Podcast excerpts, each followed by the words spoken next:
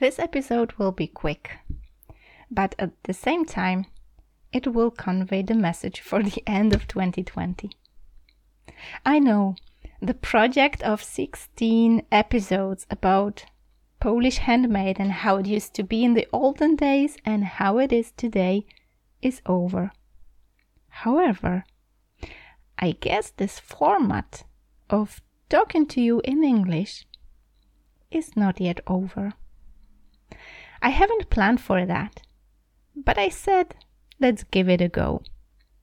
It seems that while learning how to bring the handmade magical world into online and popularize beautiful Polish handmade all over the world, I started studying in online MBA. And on this journey, I met inspiring, incredible female entrepreneurs that keep me st- standing up. Yeah, I will dare to use this word. They keep me inspired. They help me stand up when I fall down and I feel tired and feel that I've got no energy to continue the podcasting project. As you might assume, it's quite tiring. It consumes lots and lots of energy and time. it totally doesn't pay off if you ask. But still, I kind of feel I cannot quit. And that's because I've got follow lady entrepreneurs that inspire me on daily basis. That's why I decided I'll share some inspiration with you.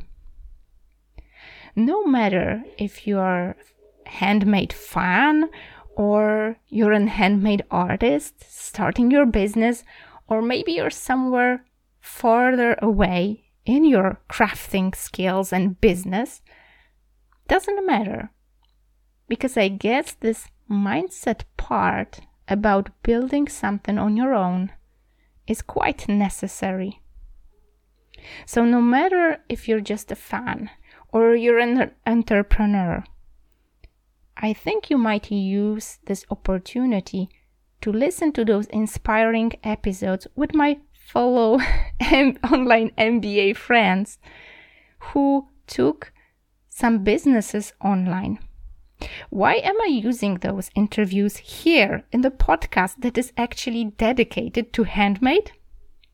Well, it seems that I wouldn't be able to convey such a strong message, so much energy that is put in each and every single episode without their inspiration. No matter if that's Lona, who took music online, or Jody, who took movement online, or Elena, who took her stationary classes about public speaking, also online. And another guest that I will introduce later on.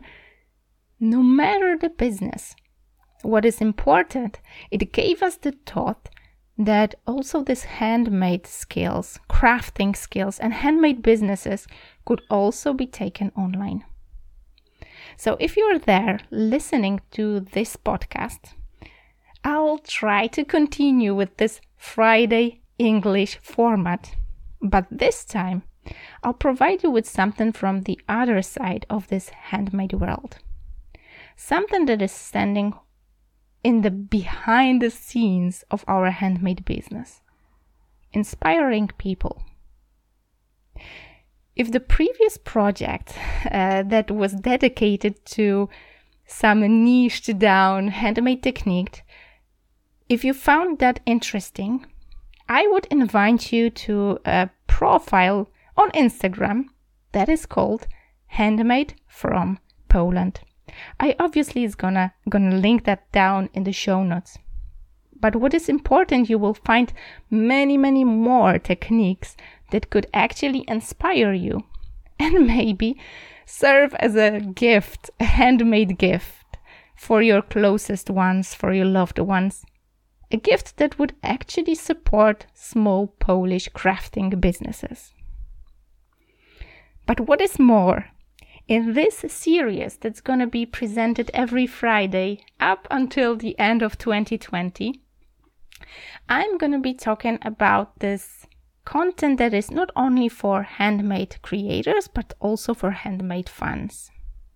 So I'll provide you with inspiring interviews and I'll be talking about how to start the business based on handmade. It doesn't matter if you use word business or hobby. What is important to me is the fact that you join me on this mission of popularizing handmade, be it Polish handmade, traditional handmade, or just a way to chill out or relax and take our mind away from this digital world. You join forces with me by listening and sharing this podcast. So I'll invite you to this series, invite you to this series of inspiring interviews. And if they will push you to do something more about your crafting skills, taking some of your artifacts out of the drawer, hidden somewhere outside the world to see. And you will kind of take them online, show them, make a picture, share with others. I know it was worth it. So let's give it a go. Let's try out. Let's meet every Friday up until the end of 2020. And let's see what will happen next. If you want to share your opinion or just tell me something about this podcast, give the idea for next year. I invite you to contact me by mailing me agnieszka at oplotki.pl. I'll link that down in the show notes as well. Why am I asking that? Because I hope that in 2021 this format might continue in a totally different way. Let's join forces in popularizing handmade all over. I hope you're gonna join me in this mission. So see you in next episode and I invite you to another interview. Okay, today another episode with another fascinating guest who is not only a dancer, ukulele player, but also a true inspiration for me. Today, Hinatea, please introduce yourself. I, I'm sorry I used your stage name, but it's so cool. Yeah. so, hello, I'm Hinatea, and my last name is Vannes. But my French name is Natalie, and I have a Polish last name after wedding, Kałęska that is hard to pronounce for me. And I just wanted to say hello with a bit of ukulele.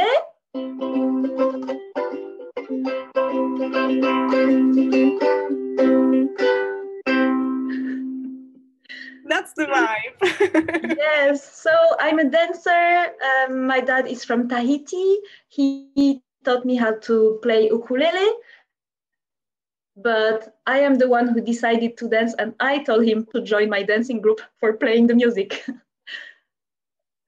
yeah it's so fascinating for me. It was always this realm of you know cartoon which i was watching with my daughter that was moana when i first discovered this you know culture the way of dancing and how it's like rooted in your culture. Because you know we kind of see it on the movies when they put those flowers on your neck like when you go to the holidays. And there are some people you know dancing in a specific way and that's it. That's that's what i knew about that. And when i met you i started read it about it. And when i saw you dancing like saw you on instagram how you do those moves and when you do it in synchronicity with somebody else. And i see wow that's like every move counts and it has the meaning. And i said yeah i have to take you to this interview to tell all the world about it. But you know let's start with with the beginning like with the story. We met in this you know online uh, weird world. We're in the middle of covid pandemia and still you're dancing and teaching other to dance. How did that happen? Yeah so actually it started i wanted to teach online already before. That was a project because i just thought okay we're here in poland but i could teach to anyone. I teach in english since 2011 when i started to teach i was in dublin in ireland. And when i left i didn't want to leave my students. So COVID happened in March, and then I decided, okay, I'm going to do these free sessions just for everyone to support each other, get moving even in the house. Just do it. Dance, have fun, be happy. And I got my students back from Ireland. So some of them are still following me now on uh, the online classes. And now some classes, this was the very first time I did this last week. I did it both in the dance studio and online. So it's challenging and fun and yeah, and really nice to share like, in the world and not only, you know, to one specific localization when people cannot get there and cannot travel, they're not stuck. They can just connect and dance exactly. You know it um, i i invited you on purpose because it seems that with this covid there are many people who feel like really stuck in the situation really you know depressed. And you know our our world is changing so quickly that we kind of feel lost in it. But it seems that you kind of took this opportunity grabbed it and you bring people so much joy with dancing with movement. And it's possible you know from home like with a simple computer and camera so how does it work with you? How do you lead those uh, classes? How does uh, how what does it look like? Because you know, for us it's quite obvious, but I have friends who are telling me dancing online. Uh. well, first I I always say uh, you don't need so much space. Really, you need you know to be able to have let's say two meters squares, three. I have more because I want to so to show my legs and every movement then people also that's their responsibility to listen to their body and be respect, respectful to themselves and not push too hard and hurt themselves mm-hmm. when they dance. But there is something i always say also. It's not because it's you know cold outside. It's dark and is closed because of covid. It's just bring the sunshine inside your house. Here is my sunshine I am your sunshine, and this is what I want to share to bring to people, like bring them some some heat, some warm, welcoming um, movements and movements that will make them feel good. So I'm mixing now. I'm shifting to um, not only teaching, like technically, but also adding the well-being and some kind of coaching for you know feeling positive every day so yeah. yeah, so I'm always starting with, you know, warming up, breathing, and waking up the body. Then there is some technique and some choreographies, some uh, songs and lyrics and translations. And then we always have to relax, stretch, and tell each other how was the class. Then it, it feels good to share, you know, and people are finishing and they're all like cheered up for the rest of the time until the next class. exactly, exactly. You, know, myself uh, with with kids, like you gave me this inspiration of you know dancing when we feel down. It's like the last thing that you want to do is like move your body when you're down. You just like to cr- want to crumble into a blanket and you you know lay down. And you taught me that if you're feeling down, try moving, like doing something. And I took this challenge and I must admit that was the best advice you could give me like ever. It always works. Like when I'm feeling down, I'm just taking kids, like doing something, even playing, not even dancing, but just like moving. And it always works. And I hope that's like a good, uh, you know, advice for people who are feeling down with all the things going on, uh, you know, you know, all together with this COVID things. Yeah, you know, exactly. I really wanted to ask you, you know, for, for your plans, because, you know, Tahiti is so far away from here. It's such a warm and nice, and, you know, this dream place, like, you know, dream beaches. And you're here in the middle of this cold, you know, wintry, complaining nation. How are you doing it, you know, from here? Um, so actually, I just um, I, I, moved here three years ago, so near Poznan, and I was just uh, my husband is from this area. His sister is here, so we said we're gonna go closer to family. So there is one first value that comes to us that's important, the family. So there is this is something that motivates me, being close to the loved ones, and then I just got the motivation to meet more people And the dance was for me the best way. If I wouldn't dance, maybe that would be harder.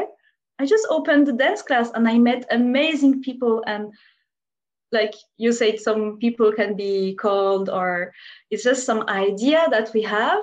But I met the most amazing people through dancing. So this is just because I know people want to work on themselves, on moving, on having some nice time. And yeah, this was a really amazing experience. And this is what makes me motivates me to continue actually. Just yeah, and get people uh, I think just get their happy feedback to say, whoa, it was great. Like you're cheering me up so much with your classes, your mood.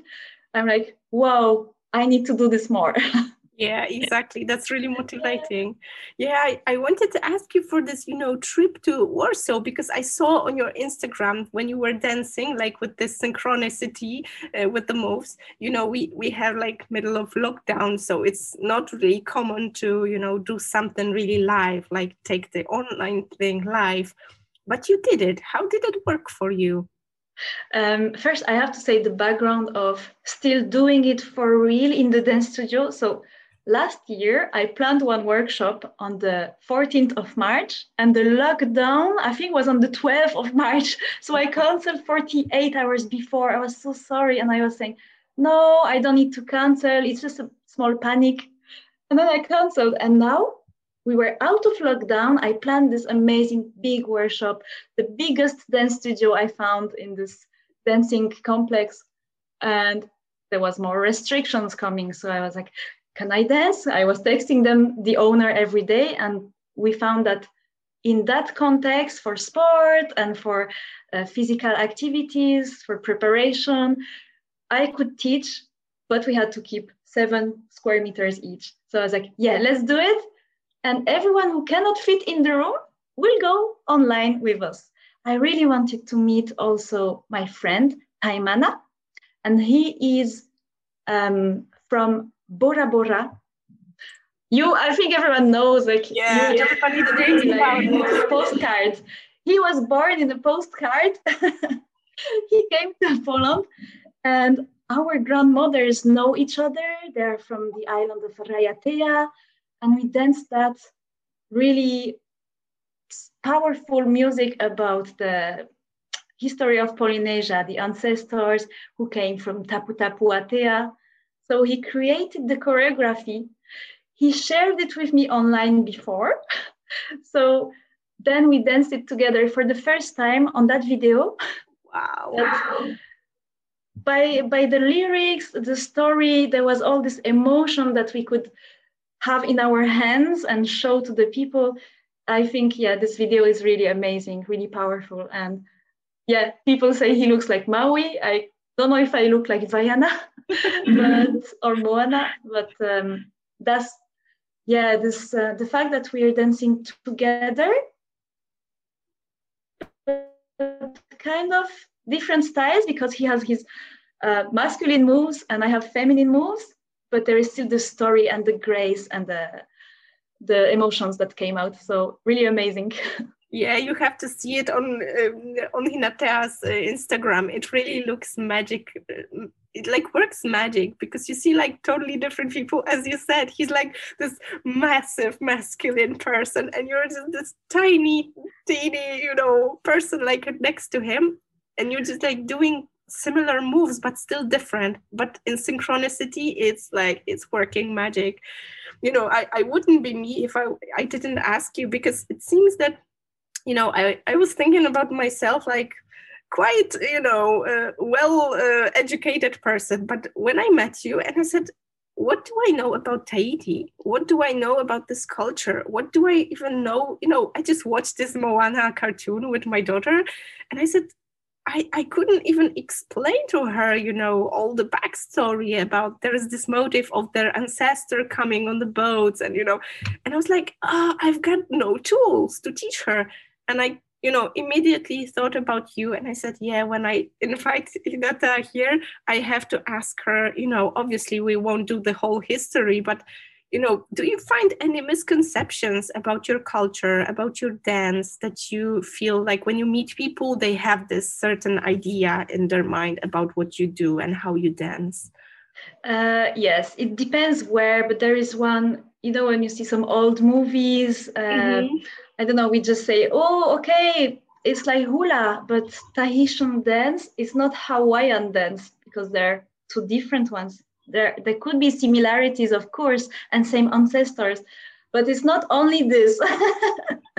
So there are much more behind the movements that say stories about our ancestors for example that we carry on our shoulders or um, the nature the ocean okay we could do that move the flowers so every lyric in the song is just you can just see a video without the dancing video without the sound, you could almost understand the story just by watching the hands. And, and this is something beautiful. Um, yeah, so some people have some first idea because no one told them how is the traditional Tahitian dance. And this is a really small island. So it's not so easy to share in the world, but now it's, it's I think there is a birth of Tahitian dance in the world, like in Mexico and Japan. There are more dancers than in the whole the that the number of Tahitian people in Tahiti, you know. Oh wow.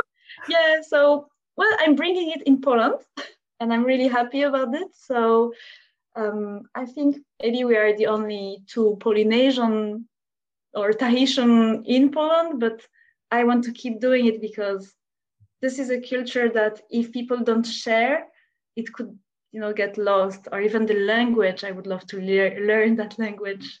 Exactly exactly. You know i'm i'm really curious um, because you know how we met uh, was quite you know not ordinary place to meet when you're dancing. Like we didn't meet in a gym or we didn't meet during classes. We just like met in this online you know mba when when you were like entering this world to bring the message of dancing uh, forward.